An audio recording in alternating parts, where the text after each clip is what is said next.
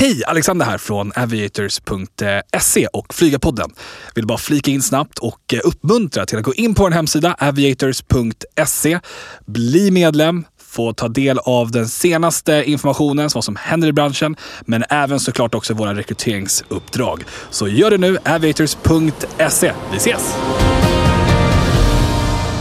Kul att vara tillbaka, då är det Ja! en helt ny vecka. Verkligen! Och vi har en extremt spännande gäst, någon som jag efterfrågade faktiskt. Det stämmer. Och eh, med tanke på allting som händer här runt i omvärlden som så, så kan man ju inte säga att det är annat än lämpligt att vi faktiskt får en person med en bred erfarenhet Definitivt. inom sagda ämnen. Ska jag presentera honom? Mer än gärna. Eh, ja, men han har eh, drygt 7000 flygtimmar. Det är ganska mycket, mycket mer än vad jag har i alla fall. 36 år i flygvapnet, flugit eh, både Draken och Viggen. Skrivit tre böcker, varav en Mitt flygande liv. Eh, han heter Torbjörn Engback. Välkommen! Wow! Tack snälla. Kul! Kan inte du berätta lite om dig själv? Hur var det som så att du blev intresserad av flyg och från första början och hur hamnade du i Ja. flygvapnet? Eh, Enkla historien är det att eh, jag var väldigt intresserad av lantbruk.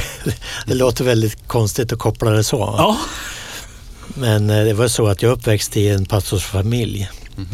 ja. Ja. Och eh, vi bodde i Södra Närke då, Ja. granne med en lantbrukare. Och jag var ju, jag följde ju honom som, som liten grabb då i allt han gjorde. Och han var väldigt duktig också och låta mig vara med så att Mm. säga. Så jag var ju helt övertygad om att det här var min grej. Lantbrukare.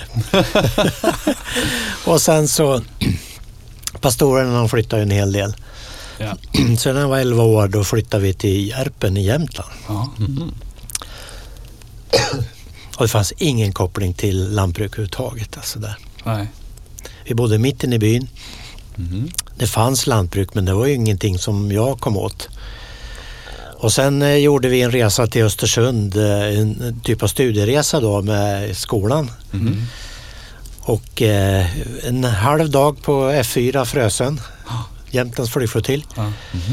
Och på eftermiddagen skulle vi vara på Jamtli, Friluftsmuseet i Östersund. Och det gjorde vi. Eh, F4-besöket, det, det sitter som en film i huvudet på mig. Ah, okej. Och det gör mycket av min, mina minnen. Jag Mm. minns ju väldigt mycket av allting jag har gjort i mitt liv. Eh, alltså det, det slog an någonting liksom intressant, eh, teknik eh, och de var otroligt duktiga på att ta hand om oss. Ja. Var det något särskilt bildminne Ja, det också. som du kom där? Alltså, ja, kom in att- J29. Ja. Ja, men det, det var någonting som du såg då? ja, vi fick sitta en 29 till och med. Jaha, De okej. Berätta om eh, säk säkerhetsgrejer och fallskärmar och Så det var där du lämnade lantbruket? Ja, att- inte riktigt. Nej. Det, det tog en stund. Men Det var en övergångs... Ja, jag ska säga det också att, att eh, Jamtli-besöket Ja. kommer jag inte ihåg. Nej, nej, nej. Nej. nej. Det var alltså ingen höjdare, om vi säger så. Nej.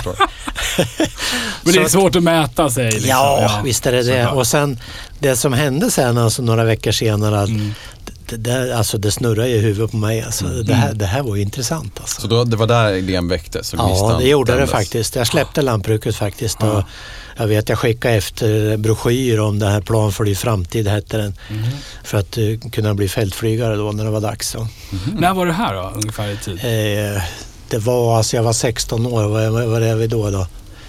Eh, 66, 67. Ja. Ja, ja, 66 var det nog det här egentligen. Ja, egentligen 65 ja. som vi gjorde det här besöket. När det Något liksom- år innan eh, vi kom till då? Ja, när det snurrade till liksom så här.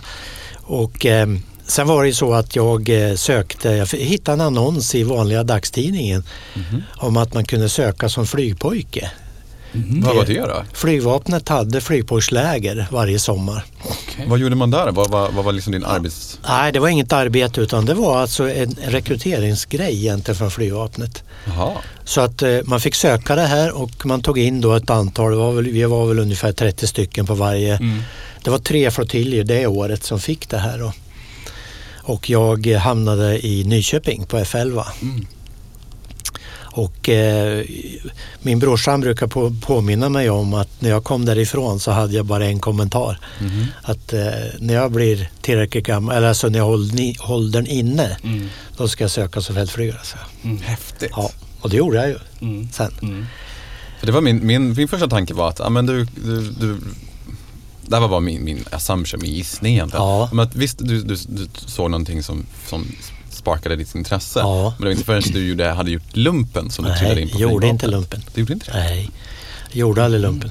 Det var väl obligatoriskt då? Var Ja visst, men det gjorde jag under utbildningen sen. Alltså jag var för ung när jag började. Så att, Ah, eh, okej. jag, jag kunde inte ha gjort lumpen så att säga. Och hur ser Nej. de första åren ut då? För dig Jo, i, i din flygkarriär? Man kan säga så här, det, det första som hände egentligen med det där, det var ju det att eftersom jag inte var myndig så var ju mamma eller pappa tvungen att skriva på min, min ansökan. Och pappa... eh, Som pastor där var lite skeptisk kanske? Ja, det vet jag. Jag frågade inte ens honom. Nej. Jag insåg att det är ingen idé. Ah, okej. ingen Okej. idé. Men hur många hussysslor fick du göra tills, tills Nej, man skrev på det? nej, ingen fara alls. Eh, Asså? Mycket förstående mamma. Ja, Fantastiskt. Otroligt. Alltså vi hade ju otrolig kontakt min mamma och jag. fint. Så att jag gick till henne och eh, presenterade det här då. Min vilja. Ja. Vad sa hon då? Ja, då, då, hon spände ögonen i mig och så sa hon att är det verkligen det här du vill göra Torbjörnsson? Mm. Ja, det är det så. Så skrev hon på. Skickade in mina papper. Sen blev det test i Stockholm då. Mhm. Och sen kom jag in på Ljungbyhed. Mm. Så, Mm. starten på det hela. Ja. Låter enkelt men eh, Är, det, är det fortfarande, om man vänder på det nu, ja, om du går tillbaka till att hon frågade dig, fast Ja. idag då, ja, eh, var det här verkligen rätt beslut? Vad Ja. skulle du svara på den då? svar ja. Vad svarar jag? ja. Inte en sekund utan tvekan? Nej, Mm. jag skulle göra samma saker igen alltså. Mm. Ja. Vad beror det på då? Vad, Ja, det, alltså, nu när du har jag kunde ju inte veta vad jag skulle egentligen eh, hitta i det här. Va? Nej. Mer än att jag tyckte det verkade spännande. Häftigt fanns inte i mitt huvud riktigt men det kanske fanns där ändå fast jag inte uttryckte mig så Mm. utan det var spännande och utvecklande skulle jag gissa att det var att flyga flygplan. Alltså. Mm. Ja. Så visste jag ju ingenting om det här med stridsmässig flygning eller liksom de här uppgifterna man skulle göra sen. Inte en susning alltså. Det framgick, framgick inte av broschyrerna. Nej. Nej, Det stod inte att du ska ut och eh, tävla mot ryssen? Liksom, nej det gjorde det ju inte. Nej, det är klart. Nej, krigs, krigsmässig flygning, det kanske man kunde fatta att det var för det var ju krigsmakten eller Ja. som det hette på den tiden. Mm. Det hette ju försvarsmakten senare sen. Just det. Men eh, som sagt var, så blev det. Och eh, vi var ju, eh, jag testade ju tre dagar. Och eh, vi var ganska många som hade sökt till min kull. Mm. Mhm. Och det sägs, jag har inte fått det bekräftat, att, men att vi var ungefär 650 som sökte till min kull. Mhm. Och hur många var det som... Sex, 350 omkring testade man. Mm. Alltså några la man på sophögen direkt. Ja. Oj då. Ja, jo, det var ju, de gick ju efter betyg och så vidare. Va? Mm. Man Okej. hade ju inget annat att gå på. Inte så syntester och sånt där? Eller? Jo, men det, det kom kom ju ju- det sen. kommer sen Alltså, istället? Okej. De man kallade till test var ju de som man ville, ville prova. Mm. Och då kom allt det här andra. Va? Och hur Ja. många var det sen som då blev... eh, Ja, så utav, utav de här 350 då så var vi 53 ja. som kom igenom och började på flygskolan. Och hur många var det som slutade? 25. Titta där. Ja. Att du ser alltså, Ja. vilken gallring Ja. ändå. Så, att Så det, var väl, det var hårt på den tiden. Alltså. Men tror du att det blivit lättare någonstans idag? Ja, det är en annan stuk på det hela. För Mm. jag tror det var 1978, då, då bytte man håll kan man säga. Istället för att man insåg att det är för alldeles för dyrt det här också. Att Ja. ta in så mycket folk. Mm. Och så ska man sparka hälften av det här. Ja. Ja. Alltså det, är- dels är det en, alltså för folk som gör det här är, ju, är ju problemet. Va? Mm. Att, att det, det inte blir navet. Och det andra är ju det att det kostar pengar. Alltså en otrolig massa flygtid som var liksom bortkastad då, kan Mm. man säga. Mm. Så att eh, man har alltså förfinat testerna Ja. och eh, har gjort det på det viset att man de som kommer in idag gör man till flygförare som Ja. jag säger. Piloter säger de moderna. ja. Det pilotbegreppet Ja. fanns inte militärt när jag började. Nej. Det hette flygförare. Och det roliga med det är också, till och med när jag slutade 19, äh, 2006 så stod det mitt flygtidskort, befattning FF, Flygförare. flygförare. Wow. Ja. Men hur var de första åren då när du väl Jo. hade fått börja flyga? ja, det var ju häftigt. Alltså, det, jag, jag kan tänka mig att ändå det, Ja. utbildningen efter du hade fått klarat av de här testerna då. Det måste ha varit utbildning ett Ja, två- ja, alltså, vi gick ju direkt till Ljungbyhed då. Ja, eh, ehm, Och eh, efter, ja, vad kan vi säga, en månad någonting Mm. så började vi flyga från det vi hade ryckt in. Och, det, och innan dess då hade vi gjort en massa militärutbildning och krypa i skiten och lära oss honnör och hela den där grejen. Alltså påbörja kan vi säga en militärutbildning. Ja. En värnplikt, Mm. kallar det för det. Mm. Och eh, ja, sen efter en månad ungefär då flög vi Saab Safir SK50. Ja. Och där skedde ju sen en, en ganska stor gallring efter det skedet. Då. Mm. Vad var det man gallrade på då? då? Var det folk Nej, det var ju folk som, eh, alltså, det, med, ofta stod det i den här betygslappen som de hade om oss. Va? Oförmåga att tillgodogöra sig flyg, flygtjänst eller eh, Ja. flygutbildning stod Ja. Vad innebär det då på, på ren svenska? det. Eh, ointresse, Ah, okej. ja, rädsla, Mm. Eh, mår dåligt. Eh, vissa utav oss kräktes ju varenda pass och Ja. det går inte att Ja. hålla på så. Varför G-kraften eller? Nej, överhuvudtaget att flyga i Stressen? Ja. tredimensionell miljö alltså. Ja. Det är väldigt speciellt att Ska sitta flyga. och titta på någonting och så, så guppar det som fan. Ja, det rör sig åt alla håll alltså. Ja. Ja. Men många brukar ju ändå, alltså jag har ju varit inom det civila då, det är lite annorlunda. jag men, vet. Men där, där, det är ju många som mår illa. Ja, Eh, väldigt, väldigt vanligt. Ja. Eh, men många kommer ju över det. Typ 8-9 timmar Ja. in. Men, men det, det var liksom, här var det... ja Klarar inte på två timmar En, en, en del alltså. En kamrat till mig till exempel, han, han eh, var ju ändå med in på nästa skede då som var SK60. Ja, Jetskedet då. och, eh, men fortsatte att kräkas så att han fick ju sluta till sist. Ah, okej. Han lyckades inte ta sig över barriären. Nej, alltså. nej. Och sen är det här med, med just att man sparkade folk, alltså det har jag skrivit om i min bok också. Mm.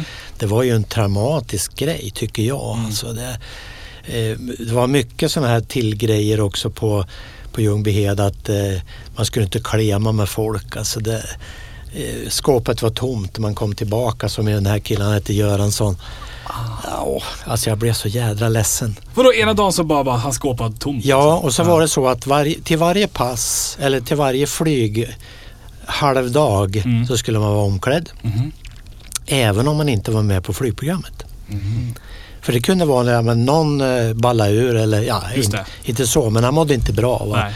Eller, han, eller läraren sa men du är ju förkyld, du ska inte flyga idag. Nej, nej. då tog man in en annan elev då Ja. som var flygklädd. va. Så Så, stod, ni stod standby alltså? vi stod alltid standby. Så, nej, jag blir Exakt. Fredrik. Ja, Ja. du ser. Jag har lärt mig lite Ja. Och i det här fallet då så, så eh, var ju han, eh, jag tänkte ju inte på att han var flygklädd och inte flög. Alltså. Det, Mm. det hade man ju inte koll på, han hade nog med sitt eget. Ja. Och sen när man kom, kom tillbaks till, till um, våran lokoment då. Så dörren stod öppen och fick jag se att hans skåp va, stod ut, eh, dörrarna stod öppen och sängen var tom. Mhm. Men vad är detta? Mm. Jo, då hade han redan åkt hem. Så, Då så hade, de, snabbt alltså? ja, då hade de tagit honom liksom Ja. medan vi flög då. För jag flög två pass den eftermiddagen, så Ah, kommer jag okej. så väl ihåg. Så han bara försvann, borta. Jag förstår vad du menar, det blir lite... Det var lite otrevligt det där. Och det var inte, bara kompis, liksom. var inte bara den grejen utan nästan varje kickning gick till på det viset. Att man bara flyttade undan dem. Och, Är inte det lite planerat också? jo, Med tanke på det var att det. det är ju samma sak om man faktiskt är i krig och man, de som man kommer nära går bort och Ja, dör. oh ja. Så Jajamensan. det måste ju vara lite en baktanke bakom det också så att Ja, det inte blir det så var här. det. Nu får du gå ut och säga hej då till allihopa och säga att du Ja, åker hem. Liksom. Ja. Så det, jag, jag kan förstå det Nej. tankesättet även fast Det det, var är rough liksom. Det var inga kramar och lite sånt där. Nej, det kan jag förstå. Hade det varit idag så är det liksom på Instagram och man kan höra av sig ganska... Ja, ja, jo, det var en annan grej, Ja, liksom. precis. Det blir Nej, det, verkligen... det tog ju några veckor så ringde jag hem till honom sen. Mm. Då, men, alltså det gick ju bra för honom ändå så det gick, gjorde ingenting. Men var det många som, som när man då inte fullföljer sin eh, som flygförare i, Ja. i det skedet då med, med eh, Safiren och sen SK60. Gick man då över då till transportflyget direkt Nej, då? Nej, nej. då var man direkt borta. På Liksom. den tiden så åkte man ut alltså. Okej. Någon kunde Mm. få erbjudande att bli navigatör. Mm. Mm. Vadå, menar du från att man, har, man jobbar militärt till att man går över till en privat? Nej, Nej. nej, utan flyga ett, ett annat system då istället för stridsflyg. Aha, alltså okej. typ helikopter och transport, men så gick det inte till. Nej. Utan eh, man skulle alltså genomföra det som vi kallar för GFU, alltså grundläggande flygslagsutbildning. Mhm. Sen skulle vi ut på stridsdivisioner, alla. Ja. Det gick inte på den tiden att söka till Hercules direkt eller Nej, nej. helikopter direkt. Det var omöjligt. blev, du blev plats, plats, Ja, det gick inte. Mm. Nej. Vad hamnade du då? Ja, efter eh, typinflygningen då på Draken på, Ja. i Uppsala så hamnade jag Ja, på, på Ärna. ja, Trevligt. F13 i Norrköping. Ja. Okej. Jag, det där säger mig ingenting. Det, ni får behålla det lingot. Ja, okej. Vad bra. Ja, Eh, Okej. ett, ett halvår i Uppsala då. Ja. Och det var en kul eh, utbildning. Vi- Trots att det var en skola. Alltså, Ja. Så att, eh, nej, det var en helt annan stuk på det, på det, på det stället. Alltså det, Ja. det var roligt faktiskt. Och, och så fick man flyga stridsflygplan. Just det. För då kom du ut och så var det först då Draken. Ja, det var Draken ja. Och på F16 var det ju A och C vi flög. Okej. Tvåsitsaren hette ju, heter ju C. Okej, okej. Ja, och det roliga med det var ju att man hade läraren bak. Ah, Ja, okej. Så det är lite som här övningskör nästan. Han har också Ja. ett par spakar. ja han hade det mesta. Ut, utom landselspak och sådana där grejer. Ah. Han- Katapultstolen. Ja, jo, han sk- kunde skjuta ut sig själv. Ja. Men när du var på, i Norrköping då? ja, sen kom jag till Norrköping. Och det, där började, då var utbildning klar? så Ja, att säga. på ett sätt alltså. sätt. Men inte, för att vi Nej. gjorde något som heter GFSU. Okej. Grundläggande flygslagsutbildning. Ah, okej. Och för vi hade ju inte någon stridsutbildning utan det var bara lära sig flyga plattformen. Ja. För draken var inte lätt egentligen. Nej, nej. Många kanske kan tro det, men det var den inte. nej. Hur menar du då? Ja, det var, eh, krok, de var krokiga och snea och, och jag menar, du, man gick också, som, om man säger så, SK50 hade man en marschfart på 210 km i timmen. Mm. SK60 600. Mm. Den här Ma- Mach 2, Mm. alltså fan. Ja. typ 1200 på låg höjd. Mm. Det var en väldig skillnad alltså. Ja. Och vi, när vi började flyga det här också så var det vinter och kallt. Och, ja, du vet ju en jetmotor, den Ja. har ju bra flås när det är kallt. Ja. Oj vad det for iväg. det var knappt man hann med alltså. Nej. Vad häftigt. Men hur Ja, var det då liksom, jag är så nyfiken på Ja. vad skillnaden är om du skulle em, sätta flyget i, alltså motorn i tomt läge då. Ja, Eh, och så glidflyger du ner. Kan man glidflyga ett stridsflygplan på ett bra sätt? nej, Nej. det var inte tillåtet Nej, dessutom. nej. Lansen fick man göra det Mm. och även SK60 men inte draken. Nej, okej. Handlar det om hur de är konstruerade? Ja, liksom, med, nej, alltså, precis. liksom. Ja, Ja, är precis. det, kommer, du ner, kommer man ner under 300 då var man, eh, Då är det störtdykning. Nej det gick inte. Spinn typ. Man ramlade ner. Ja. Ah, Ja, okej. Om man inte kunde hålla sig, alltså landningen gick ju till på det här viset att man hade ungefär 350 på finalen och Mm. minskade till 300 innan sättning och så vidare. Mm. Men då krävdes det att man hade gas. Mm. En fungerande liksom motor. hela tiden. Annars så var det liksom så här. Och jämför då med alltså, civila flygplan idag som, som knappt inte ens kan bromsa. Alltså när man sätter motorn i tomgång och så flyga ner. Som man gör nu oftast vid, vid laddning då. Ja. Så, eller vid approach. Du kan ju knappt inte ens bromsa flygplanet. Du kan inte sjunka samtidigt, alltså tappa höjd samtidigt som du ska tappa fart. För Nej. flygplanen är så byggda idag. Ja, det just det. Ja, Så där blir det ju verkligen en stor skillnad. Stora pappersflygplan som man ska landa helt enkelt. Ja men precis. Ja, men så var det ju mer med Herculesen också. Det Just var ju det. ett vanligt flygplan Det var det vanligt. Exakt. Det var, men hur var skillnaden att gå över dit då? Liksom? Det var stor. Mm. Den var stor. Mm. Men då hade jag ju flugit stridsflyg i 20 år. Ja. Och eh, sen blir man ju otroligt duktig på det här när man håller på hela tiden. Alltså. Jag fick ihop eh, 1200 timmar draken första tio Ja. åren då. Och så var jag med första gänget då på Jaktviggen på Vilken- F13 i Norrköping. Men hur, när, när var du klar med din utbildning? Ja, den där första utbildningen som jag pratade om, Mm. GFSU, den tog Mm. ju ett och ett halvt år ungefär. Mm. Och, då- den andra var på drygt lika länge eller? Nej, alltså omskolningen till Viggen den var ju kortare. Mm. För då hade du liksom grundkunskaperna. Då, det var ju, det var ju alltså jaktflygförare Mm. och krigsplacerad på en jaktdivision. Mm. Och hur, hur länge var du på den divisionen? Alltså hur länge var du utplacerad så att säga efter Jag var, utbildningen? jag var 19 år på F13. Oj, så ung? Ja. Nej, alltså 19 år i sträck alltså. Ja, förlåt. Ja. Ja, förlåt. Väl, Där. om man då tittar på Och sen läget. sökte jag transporten så jag kom dit. Just det. Ja. Men om vi backar då till att prata lite om den tiden Ja, du faktiskt för flög det- Draken och precis. Viggen. Precis. Ja. Det här var ju, när var det här? 80, 70, 80? Alltså, jag kom till Norrköping 72 Ja. och sen, eh, ja, vi kan säga hösten 73 ja. så var vi klara med det här då. Just det. Och då fick man ingå i, som rote tvåa då, exempelvis i incidentberedskapen. Just det. Och berätta mer om det. Vad, betyder, vad är rote 2 för Fredrik? Ja, jo, det är alltså man flyger två stycken flygplan Ja. där man har en äldre förare som etta. Okej, Okej. Typ så, eller så. just det. Det är lite olika Och vad- man flyger i formation? Nej, för vi, vi kallar det för anfallsgruppering. Okej. Formation, då, då gjorde man bara, man flög i moln. Okej. Eller det skulle vara fint om det kom ett utländskt besök. Då flög, Ah, man, okej. Ah, ja, ja, ja, ja. Okej, då flög man nära varandra. Men vad var målet då med en router? Nej, roten var ju det att man inte skulle vara ens, ensam. Mm. Utan att- vi stack alltid iväg två stycken. Just det, för att man inte visste vad man skulle stöta Nej, alltså en incidentberedskapsrote Mm. var kravet och var man ensam så skulle man inte göra en insats Okej, med, med vapen. nej. Men vad var det för typer av uppdrag så att säga som ni fick åka på där? Allt på- möjligt. Alltså, det, framförallt var det ju, vi kallar ju oss för gränsvakt. Mm. Och eh, vi, vi sa ju också det att vi visar flagg. Mm. Alltså om du startar ut ifrån Bråvalla till exempel, alltså Norrköping då. Och inser företaget ligger öster om Gotland. Mm. Då är jag ju lite på efterkälken om jag säger så. Va? Mm. Det beror på vad de gör för någonting. Mm. Jag kanske inte hinner ut ens och identifiera dem först de har vänt och åker hemåt. Mm. Eh, Men då var det ryssen alltså? ja, det var för det Som hade mesta flaggat från, ryssarna. Ja, ja, men från kustbevak, svensk kustbe- kustbevakning av något slag? ja som alltså, vi hade ju strids, stridsledning. Ja. Svensk radar såg ju då vad de Mm. gjorde för någonting Mm. och kallade upp oss då. Så de fick en, en signal på radarn att man ser att det finns något oidentifierat, förmodligen Ryssland, som kommer Ja. in från österifrån över Östersjön. Ja. Och hur snabbt då från eh, de har sett det till att ni sitter i eh, Draken eller Viggen? Det gick väldigt snabbt. Mm. Alltså vi, sen hade vi liksom. ju då den här beredskapsroten. Alltså normalt tog man inte en fredsövande ro- rot alltså utav de som var ute ändå. Nej. Alltså vi, vi, utan vi, det satt alltid en, en beredskapsrote Okej. någonstans. Ja. Eh, för, väldigt ofta på Visby. Ja. Mm. Ibland på, i Norrköping och ibland i Kalmar, ibland i Ronneby. Alltså, på den sidan så att säga. Mm. Och eh, systemet var så uppbyggt på det viset att man hade en jaktledare, en chef alltså som satt och tittade. Man hade ju målobservatörer eh, och man hade en radiojaktledare och så vidare. Mm. Och så såg man att det hände någonting. Mm.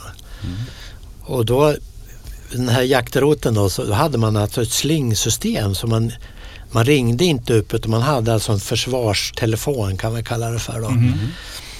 Med en högtalare och sen en mikrofon då, som man kunde Ah. prata med. Och när han kallade upp så kom det alltid en ton först. Mm. Och du vet, när den där, man lärde sig det här. Va? Så att när den här tonen kom då hade man redan stängt Nej, nej, var nej, okej. på väg ut alltså? Ja visst, och dragit på sig flytvästen. Mm. Inte hjälmen för man visste ju inte vad jag skulle göra. Va? Nej, nej. Men ofta så blev det ju så att han, då beordrade han oss i högsta, som man kallar det för, högsta beredskap. Jävlar. Det vill säga sätta sig i flygplanet. Då. Mm. Flygplanen stod alltid igång, Mm. inte med motorer men med ström, allting. Mm. Så det var bara att öppna huven, hoppa i, spänna fast dig med allting och sen så anmälde man sig på den här slingan då som det kallas Mm. Ja. Att man var klar. Det kunde ta en och en halv minut kanske. En minut. Är på, på. Visby till exempel gick det ännu fortare. Ja. För då satt man väldigt nära flygplanen. Men Jag tänker så här, man måste ju hinna slå en liten eh, toalettbesök. Och, Ja, Jag tror inte riktigt man kan precis, tänka alltså- på det eller? Jo, det, det där var viktigt men då var man ofta lite på hugget så att eh, nu har inte jag varit pinka på länge. ja, men det, det blir nog något, något snart. Ja, okej. Ja, om inte annat så gick man ju via toaletterna. Så Ja, det var- ja. Man fick inte eh, slarva med det. Alltså. Nej. Nej. Nej, jag förstår. Nej. Men, Men, en, men en, man fick aldrig start direkt ifrån kuren om vi säger Nej. så. Utan jak, jaktledaren kallade alltid upp oss i högsta beredskap. Och sen rapporterar ni att ni är redo och Ja, sen då, då, säger då, då, då rapporterar tvåan till mig då, om jag var Ja. rotorchef att eh, Martin 34-2 klar. Ja. Ja, då ropar jag upp jag, jaktledaren och säger att nu är roten klar i högsta. Ja. Då säger han roten Martin 36, starta ost. Rockan leder. Rockhandledare? Ja, ja det var ju våran eh, Ja, ja, ja, ja. ja. Rockan. Ja. Vi, de hade, vi hade ju djurnamn på Jag alla fattar. radarstationer. Men precis, Ja. precis. Det är ganska coola Och våran, sign, eh, våran egen central så att säga, Mm. den hette Rockan. Rockan. Ja. Rockan lever. Pub, leder. Leder. Leder. Mm. Ja. Leder. Ja. ja, och då tryckte man ju på startknappen direkt. Ja. Och då var man alltså direkt ute på, eh, ja man hade, det var så att flygledaren hade också kontakt med det här så han var, var ju förberedd om vi säger så. Mm. Mm. Han hörde ju det här resonemanget. Han satt med på slingan också. Ja. Och eh, då när man ropade upp tornet så sa han, ja det är klart utbana 33 då på Bråvalla om man satt där då. Mm. självklart startaost. Kommer du ihåg din första hö, alltså, Ja, högsta beredskap Ja. som blev utkallad? Ja det? gör jag. Ja, exakt vad vi gjorde den gången, det minns inte jag. Men jag kommer så väl ihåg det här liksom att man var så på tårna. Mm. För att inte sinka det här i tid någonting. Va? Och just det här, alltså bråttom får det inte bli så att du glömmer grejer. Nej, Och det. hade vi ju utbildat oss i också. Att liksom, det, var, det nötte man ju in i huvudet. Du måste koppla de här stövlarna till det här indragningssystemet på raketstolen. Du, du får inte glömma liksom mm. syrgasslangarna och allt det här. Man kopplar ihop det rätt så att du sitter ordentligt fastspänd i sitsen. va. När du hade liksom hundra koll på det, då anmälde man sig klar. Mm. Men då var man ju ofta och plockade ner huven. Ah, okej. Ja, för Ja. man kunde nästan räkna med att det blev Ja. start. Va? Ja. Mm. Om inte annat så lösgjorde man den eh, huven så att den var på väg ner. Mm. Alltså den var ju en fjäderbelastad på draken. Mm. Viggen var ju en motor som man fick köra här huven med. Och, men man förberedde sig alltså. Man Ja. kanske inte stängde huven då på Viggen till exempel och inte på draken heller. Man gjorde sig redo. Man gjorde sig Mm. redo och blåste det då höll man i handtaget här uppe så att inte huven kunde slå upp. Nej. Ja, så kom det här då. Oj. Det här... eh, Det var det, den där. Ja. Den, ehm, den här orden då, Ja. starta ost. Ja. Ja. då, det första man gjorde var ju drog igen huven och stängde och låste den sen ner på knappen. Mm. Och Men- eh, det var likadant med Viggen. Alltså att då, då eh, stängde, stängde man huven Mm. med, fast den gick på elmotor och så tryckte man på knappen. Mm. Starta motorn. Men det var med väldigt många så här kontra, kontringsmanövrer då mot, mot ryssen då såklart under kalla kriget. Ja, det var det. Kan du se några likheter med dagens situation med Ukraina till exempel? Och Ja. även de Ja. att de ändå kliver över mot svenskt luftrum även här har gjort Jag- ganska många gånger. Jag kan väl säga att på den tiden så var det Alltså det hette ju incidentberedskap. Det var väldigt Mm. få incidenter egentligen. Mm-hmm. Utan det var därför jag sa också att vi var vi, visa flagg. Mm. Det här med att, att vara där ute. Och jag tror att ryssarna... närvaro helt enkelt. Ja, precis. Och ryssarna de blev nog väldigt förvånade om vi inte kom. Vi var alltid ute och rotade i deras övningar och, Mm. och de var på våran signalspanare och, och allt det där. Va? Eller NATOs signalspanare som åkte där ute likadant som vi gjorde så att säga. Mm. Så, så kom, var ju alltid vi där. Alltid. Visa upp sig liksom. Ja, nästan alltid ska jag säga då. Tror du att det är kvar ända, alltså, även idag, alltså exakt Ja, samma så är jag. mönster så att säga? jag. Är det någon, tror du att det är någon skillnad? Nej, det är det inte. Det är fortfarande att visa beredskap och visa Ja, närvaro ja. helt enkelt. Jajamensan. Men som idag till exempel när vi spelade in det här avsnittet så har ju Ja. Ryssland lanserat den största någonsin övning i Ja. Östersjön. Precis. Ehm, vad går i liksom tankarna för en stridspilot idag? Hur tänker de kring det här liksom att shit, nu ska Ryssland göra en, en gigantisk övning. Ja. Och så samtidigt som vi hör massa nyheter som florerar om Ja. Ukraina och allting sånt. Men alltså vi hade ju... påverkar det liksom Ja, det gör det. det gör det. Vi hade ju motsvarande scenario som jag säger om den där, de här bombarmadorna. Mm. Alltså ryssarna eller Sovjetunionen de gjorde ju ofta sådana här grejer. Mm. Både i luften och på sjön. De kommer med full, alltså fullspäckade bomb. Ja, alltså det här var ju tre grupper med de här Tu-16 och det liksom fyllde ju på hela tiden alltså. Satan. Det tog aldrig slut alltså. Men var hade de kommit ifrån någonstans då? Ja, någonstans in, innanför, ja någonstans, Ja. nej. Nej. Utan de kom, de åkte in vid Kaliningrad. Ja, De kom i Rigabukten någonstans. okej. Från någon bas där. Mm. Och så flög de ut i Östersjön i de här och det var ju alltså, nu kommer inte jag ihåg, säg att det var 7-8 kilometer mellan varje enhet då. Mm, mm. Tre grupper alltså med Tu-16. Tu-16, Tu-16 i mängder. Ja. Och då var ni bara två stycken då? Ja. Som stora svärmar som kommer i ja. Och så åkte de in eller flög in vid Kaliningrad så bombade de på något övningsfält förmodligen. Och, Mm. Och sen åkte de väl hem och tankade och in med ny besättning. Det tog inte slut liksom. Nej. Nej. Men vad tänkte du då när du sitter uppe i luften? Och... Ja, men det var ju det jag sa förut, Ja. liksom, att det här med att skulle de svänga då i det här fallet, de kom ju alltså norrifrån. Ja. Skulle de svänga höger 90 grader Mm. Så skulle det ta sju minuter så var de på Gotland. Mm. Hej och Det måste ju... Med, med min lilla rot. Vad Ja, gör jag då? 62 pers liksom. Ja. Med två flyg. Vad skulle ni ha gjort då? ja, vi hade ju inte kunnat gjort så mycket. Nej. Mer än att eh, ja, vi skjuter ner ett par stycken. Mm. Sen var våran, våra grejer slut. Ja. Alltså problemet var ju det här i så fall då att nu, nu var ju inte någon konflikt i närområdet. Nej. Nej. Det är en helt annan grej idag tycker jag när man står på gränsen till Ukraina Mm, och, och eventuellt tänker göra någonting. Mm. Det här alltså sprider ju sig som en löpeld. Mm. Och nu idag så är ju de baltiska staterna och Polen och så vidare, de är ju NATO-länder. Mm. Och de var ju otroligt snabba att bli NATO-länder när de blev fria. Mm. När Sovjetunionen föll. Ja. Det var ju liksom så här, för de insåg att De kommer komma tillbaka. Ja. Och, det, och det är ingen som kommer tillbaks liksom idag. Mm. För då kommer NATO. Mm. Sätter stopp för det. Va? Så att, och det vet ju ryssarna också. Men så funkar det idag. Det, Ja. Alltså scenariot är lite annorlunda på det viset. Ja. Ja. Men om man fortsätter det här med incidentberedskap så vi, vi hade ju, säg att vi hade eh, ja, en gång i månaden eller Mm. en gång varannan månad. Det var lite oftare sen med Jaktviggen för att vi, vi drog ner på antalet förband, Mm. antalet divisioner. Mm. Så det blev lite mer jobb för oss på det viset. Okej. Å andra sidan hade vi bättre patrulleringstider och mer soppa och bättre motorer och bättre vapen och hej och. Mm. Allting var bättre med den maskinen. Men ni saknar ju fortfarande beredskap. Vi satt i beredskap. Ja, men det saknades ju också alltså, personal, som det låter i alla fall när du säger att Ja, nu ja, men inte, inte då. Nej, men det, Eller vad menar när, du? när det var två stycken uppe på roten.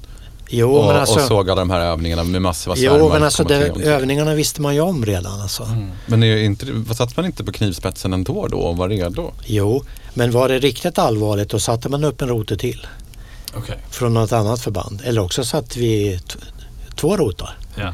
Och det hände ju vid flera tillfällen att vi fick inte åka hem så att säga utan vi, de förlängde vår beredskapstid Mm. inom eh, rimlighetens gräns naturligtvis. Så svävar ni runt över, över Östersjön helt enkelt? Och Ja, e- eller att vi satt beredskap. Mm. Och när våran tid hade gått ut då kom det en rote till. Mm. Eller om vi var vi hemma på F13 då kom det två gubbar till Mm. och löste av oss. Okej. Och så var det vi igen på morgonen då. Va? Jag vill ändå fråga, Så funkar det. alltså, så här, hur... Om man går tillbaka i tiden och säger att det skulle gått åt andra hållet, säg att de hade faktiskt svängt 90 grader och kommit in mot Ja, Gotland. ja. Hur hade våra chanser sett ut? Nej, inte bra. Alltså. Alltså, Nej. hur Ta, tror du? tagna, tagna på sängen ska vi säga. Ah. Det är det jag menar alltså att det, det fanns ju något sånt där avtal, det finns väl kvar än idag, att övar de en viss mängd trupp Mhm. eller grejer ska du ju informera grannarna. Mm. Det är någon sån FN-grej. Ja. Och det hade väl, jag tror att de hade gjort det. Alltså eh, Sovjetunionen, de gjorde ju aldrig någon sån här utspel. Nej. Mer än en gång när man gjorde det med en eh, landstigningsarmada, alltså med båtar. Mm. Och gjorde eh, ett lik, liknande grej, alltså svängde Ja. in mot Gotland och sen gick man tillbaks igen. Ja. provocerande. Ja, ja, det var det. Ja. Då måste det ha hänt mycket. Alltså, då Ja, måste larmet ha gått. Ja. Liksom. Och där hade vi ju en annan typ av beredskap och det var ju attackflyget. Mm. De, sk- de kunde ju slå mot båtar, det kunde ju inte vi göra. Vad var ni specialiserade på då? Det var luft, luft mot luft alltså. Okej. Mm. Ja. Alltså riktig fight Ja. upp i luften. Och JA hette ju våran flygplan. Vi skrev alltid ett litet A, vilket man inte skulle göra egentligen. Nähä. Men våran attackroll var väldigt liten. Ah, okej. Väldigt liten. okej. Vi kunde ju alltså hänga attackraketer på Jaktviggen. Mm. Men våran primäruppgift var ju alltså jakt. Såklart. Ja. Men om man jämför då mot ett, eh, vad var det för ryskt flyg lik motsvarande då som ni kunde sätta på ute på patrull? Ja, det var i, på 35-tiden då, då Ja. var det ju Su-15. Su-15? Ja. Och vem var... Och sen kom ju, kom ju MiG-21, Sukhoi 15 hette de. Ah, okej. MiG-21 kom aldrig ut. De hade väldigt dåligt med soppa och, och klarade inte liksom att vara utåt Gotland Ah, till. okej. De var mer en närförsvar. Och jämför när ni mötte dem då, om det skulle blivit ett skarpt läge. Ja. Vem hade haft eh, tekniken på sin sida och utrustning och aerodynamiken? Liksom? Ja, utrustningen hade ju de egentligen. De hade utrustningen? Ja, Men ni kanske hade aerodynamiken? vi var ju duktiga. Ja, ja. Ja, men alltså det är ju så. Du är ju alltid duktig på det du har. Mm. Och jag, jag har alltid hävdat det här också. Du har en radar i, i nosen på flygplanet. Du har dina vapen på vingarna. Va? Mm. Men den som är otroligt väsentlig det är gubben som sitter i. Såklart. Som ska sköta det här. Mm. Kunskap Mm. hävdar jag alltid. Mm. Det är det det hänger på. Men häftigt, då måste jag bara ta det till eh, modern tid där vi idag pratar mer om att framtida flygvapnet kanske kommer utgöras mer av drönare. Ja, Vad har du för approach? Vad tänker du kring det? jo men alltså du har ju ändå personer som sitter och, och styr de här drönarna Mm, via tv och liknande. Va? mm, Det blir ju ändå, liksom, när insatsen blir nå- något liknande. ja. Att du, eh, okej då sitter inga gubbar i de här flygplanen men, men i systemet är det ungefär detsamma. Det är Ja. fortfarande någon som kontrollerar det. Ja, Eller så är det en svärm som är styrd av en. Som, ja det kan det vara. Det kan ju vara en Ja. person som sitter och styr ett koppel med, mm. med flygplan. Alltså det, Men skulle du, om, du, om vi är tillbaka igen då till att så backa, så här, skulle du göra om det men att det skulle då vara att du sitter med på i en container och gör det, alltså som en drönaroperation liksom. Då försvinner ju väldigt mycket av det här att faktiskt vara uppe och ja, det är klart det gör. ja, Ja, alltså den upplevelsen finns ju inte. nej, Nej. precis. Och det känns också lättare typ att så här, skjuta, alltså, skjuta ner någonting. Om du sitter som drönare, att du sitter så för då vet du också att det inte är en människa. Ja, fast å andra sidan det, det ingick ju i, i spelets regler. Ja, okej. Och, och eh, på Viggen fick vi ju vapen som, som man kallade för sån här BVR-strid, alltså Beyond Vision Range. Mm. Alltså vi hade Robot 71 som det kallades då, alltså den sköt man utan att se vad du sköt på. Du Ja. hade kontakt på radarn. Mm. Men och så, du- så låste den på sig. Ja, låste på den, men du såg aldrig flygplanet alltså. Nej. Eller kunde Ja. skjuta på så långa håll. Ja. Så att du såg aldrig vem du sköt på. Behövde du någon gång under din karriär skjuta skarpt? Nej, Även varningsskott eller något sånt där? nej, nej. Jag har inte avvisat något flygplan heller. Nej, okej. Men det har ju hänt några, Ja, några, några gånger. Om Ja. att man har mött upp någon och sen så eskorterat tillbaka dem? Jajamensan, och Mm. som har kränkt eh, Ja. gränsen. Mm. Men sen är det ju det också som jag sa det här att, att vi, man, man eh, stod vi på F13 så var man ofta lite efter. Mm. Mm. Ett roligt exempel på det är när eh, vi hade ju en karavell i Mm. flygvapnet tidigare. Det? Ja, ett flygplan, eh, Sydavation Caravelle, som man flög människor med tidigare. Kommersiellt liksom. Ja, typ eh, DC, Ja, okej. DC9. Ja, Ja, ja, Ja. då är jag med. Flygvapnet köpte två stycken av SAS när de la ner den verksamheten som signalspaningsflygplan. Mm. Så hade ju ryssarna fått eh, MiG-29 och den var ju Alltså de var ju som våran JA. Mm. Gott om bränsle och god förmåga och allt det här. Och de hade blivit väldigt närgångna mot det här flygplanet. Han åker ju där uppe på 8-10 tusen meter och Mm. har ju inga motmedel Nej. på det viset och, och inga katapultstolar heller.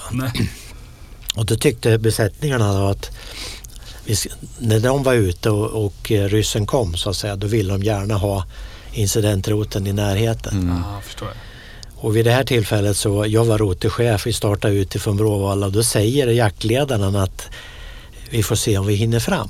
Mm. Men starta ost. ja, och då förstod jag ju vad som gällde. Va? Så att jag steg eh, med min, min JA-rote upp till 8000 meter på grundmotor. Vid kusten så tände jag zon 3, alltså så mycket som gick. Och lät flygplanet accelerera då på 8000 meter. Hur många G-krafter? Nej, det är inte, du, där får du inga G. Nej, nej. utan Du, ja, det kan du få om du, om du har eh, en raket till exempel. Va? Mm. Här upplever man inte G på det viset. Jaha. att svänga. Nej, utan acceleration Okej. får det vara. Mm. Kanske när man tänder upp det hela så känner man Ja. i ryggen att det trycker det på. Ja. Mhm. ja. Ja, i alla fall. Det måste kännas. Ja, och eh, när jag var framme vid karavellen Mm. så såg jag, Mm. jag hade även sett dem på radar, de här MiG-29, va? men jag såg dem även visuellt. Då hade jag Mach 1,78, Mm. Nästan Mach 2 alltså. Mm. Mm. Det är väl 800 kilometer blir det då kanske? Nej, det är mycket mycket, mycket, mycket, mycket mera. Den- 2, är inte det 1000? Nej, Mach 1 är 1000. 1000 ungefär. Jaha, okej. Ja. Oj. Ja, oj. jag, var, jag var helt ute och cyklade. Ja, Men civila flygplan ligger på Mach 8 ungefär. ja mm. no- no- 08, 085 någonstans. Det beror på lite vad det är för något. Jag tänker bara när det, när, det är så, när, när det är så litet och koncentrerat och kompakt liksom, så Ja, måste det ja, kännas betydligt mycket mer tänker jag. Alltså farten upplever man inte på den höjden. Det finns ingen fartupplevelse där. Nej, du har ingen att referera till. Nej. Om du inte ligger över ett eh, kompakt molntäcke till exempel, då, Mm. då kan man ju uppleva farten. Va? Mm.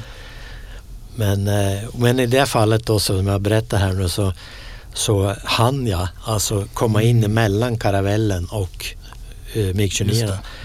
Så jag svängde mellan dem och då svängde de österut. Ja, du gjorde det. Ja, så att jag gjorde ju mitt jobb. Men då var soppan slut.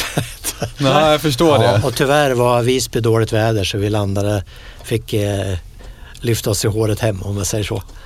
Men då var det, alltså Viggen-motorn var ju en dubbelströmsmotor. Mm.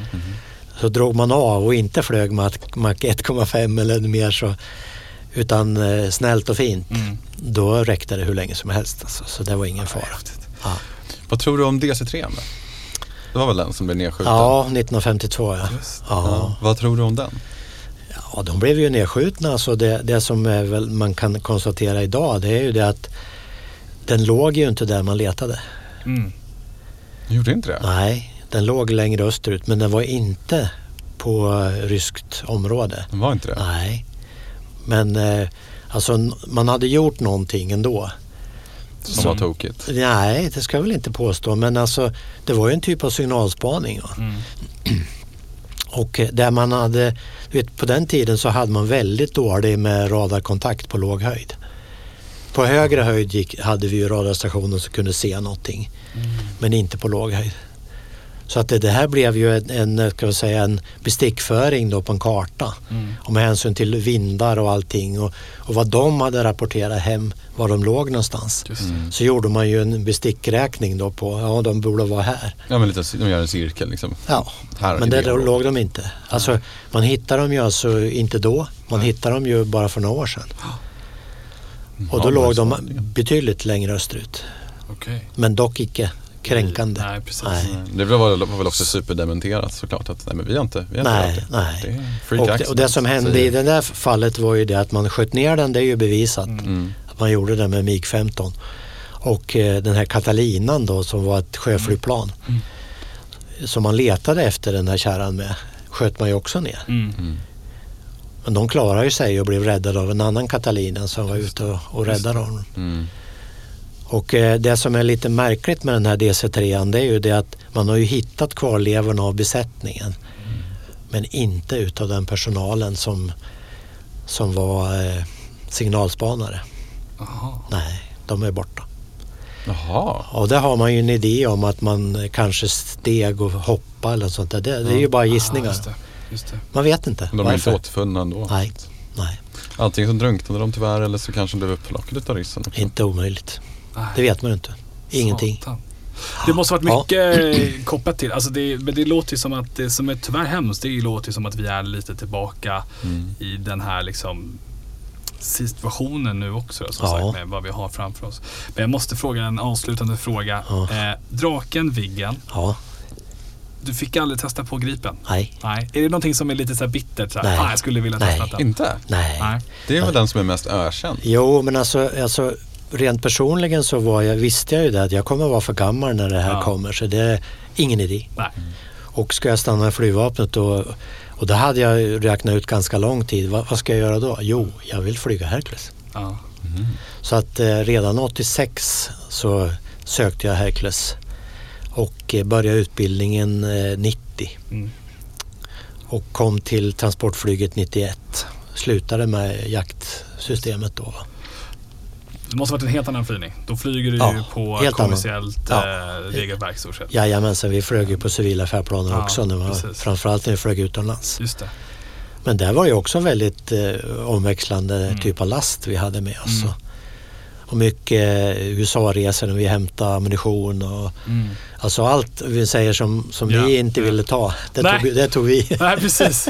Det man Ja, inte är vågar röra liksom. Ja, att men att exempelvis en, eh, en eh, orkester. Ja. Mhm. En ungdomsorkester, alltså typ eh, Bompa Bompa från Sverige som skulle till Sydfrankrike och spela. Va? Ja. Då, då var ju, systemet var ju så då, och där är det även idag, att Ja. då går man till flygbolagen och frågar. Ja. Vi vill ha det här utfört. Mm. Och då säger de, nej det går inte för ni har för stora grejer. Mm. Ja, och då går de till oss. Mm. och grejen med det här att det inte går till oss först, det var ju det att vi var billiga inom citat. Då. Ja. För att vi fick alltså försvaret får inte tjäna pengar på sina, sina verksamheter. Nej. Alltså får inte tjäna, det göra en vinst på Nej. En, en transport. Precis. det går inte. Det är inte. Det är inte tillåtet alltså. Nej. Nej, men, men jag måste säga, Så det måste ju varit en det. skillnad, eh, jag tänker i början när du går över till det här stora flygplanet och så Ja. du lämnar stridsflyget bakom dig. Ja. Ska du rotera? Är det så att det är snabbt det är så här att man Sitter i muskelminnet. Ja, Exakt, bara drar och bara... Nej, det, nu, nu flög vi mycket simulator innan alltså. Ja, men det var en väldig skillnad. Ja. Det måste verkligen att man Alltså nu hade jag flugit, eh, vad ska man kalla det för, kortvingande flygplan. Ja. Även SK50 var ju relativt snabb. Ja. Och SK6 då väldigt snabb i rodren och sånt här va. Och så kom man till den här då. Ja. Som egentligen var den nog ganska snabb i rodren men det var så mycket du skulle flytta på. Ja. Ja. Och det, Hercules var ju på det viset också att när du väl fick den att gå Ja. så, så var Just det det. mycket det är för att det inte skulle Mm. bli för mycket. Alltså. Mm. Och vet, ratten alltså den gick ju dit Mm. Okej. åt båda hållen. Ja. Men, eh, okej. Inte bara dit alltså. Nej, nej, nej, utan det gick nej. över så att säga. Man kunde få överslag. Liksom, Ja. utan Känns som, en buss nu. Och så fanns det Ja. en, en sida i manualen med caution warning. det amerikanskt flygplan, vet du, Ja, gamla ja, flygplan var ja. väldigt roligt det här. Där med en graf på och det var vingböjningen. Mm. Alltså momentet i vingböjningen. Du kunde alltså bryta av vingen på en Hercules om man ville. Okej. Ja, och för att alltså börjar du då få det här rollen att, Ja. att gå fortare och fortare och fortare. Ja. Och så gav man fullständigt motsatt roder. Ja.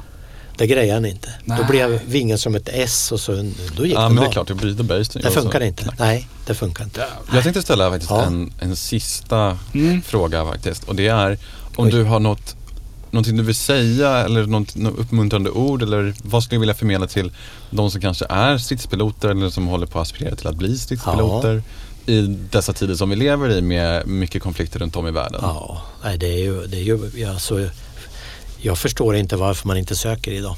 Mm, okej. Det har blivit lite bättre. Mm. Jag hörde senast, eh, senaste rekryteringsomgången var tydligen lyckad. Mm. Bra. Men eh, många år tidigare har man ju inte fått säga att de vill ha 30. Mm. Det varierar lite grann från år till år. Va? Och så får du ut 23 Mm. för det är för få som söker. Mm. Det är inte kul alltså. Nej. Men och nu ska man ju sätta upp F16 igen i Uppsala. Va? Mm. Man har flygplan till det här men inte förare. Nej. Men till de som är förare eller funderar på Ja. att bli eller håller på att lära, Ja. utbilda sig. Har du något som du skulle vilja säga till dem? Ja, jag, jag, alltså med, med facit i hand så är ju det här en livsgrej. Alltså det, det, det är kul.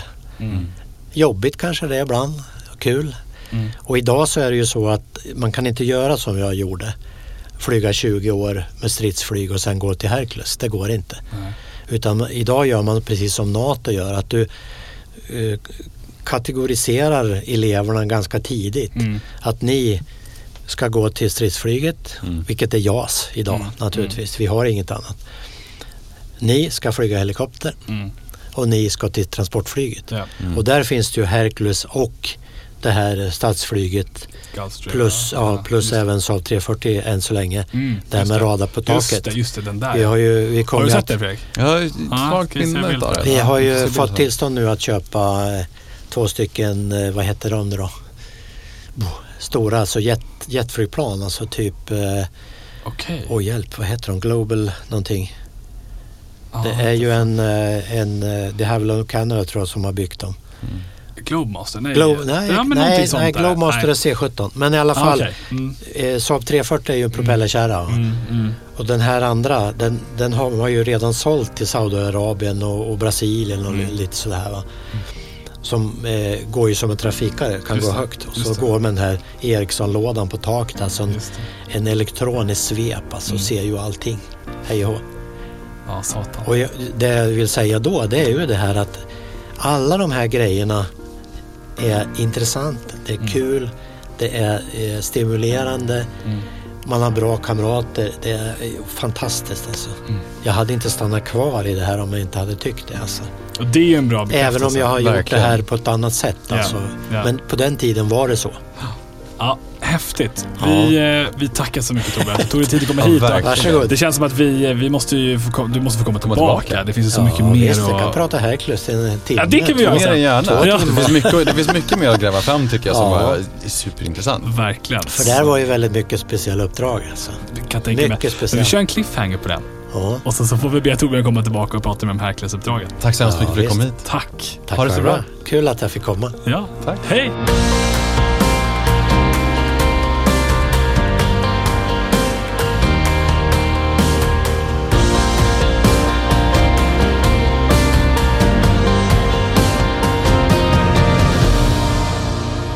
Nej men titta, är du kvar här? Ja men vad roligt! När du ändå sitter här så tycker jag du kan hoppa in på aviators.se och registrera dig som medlem. Där får du de senaste nyheterna, allting om våra rekryteringar och så får du även hålla lite puls på oss när vi skickar ut våra nyhetsbrev varje månad. Välkommen in!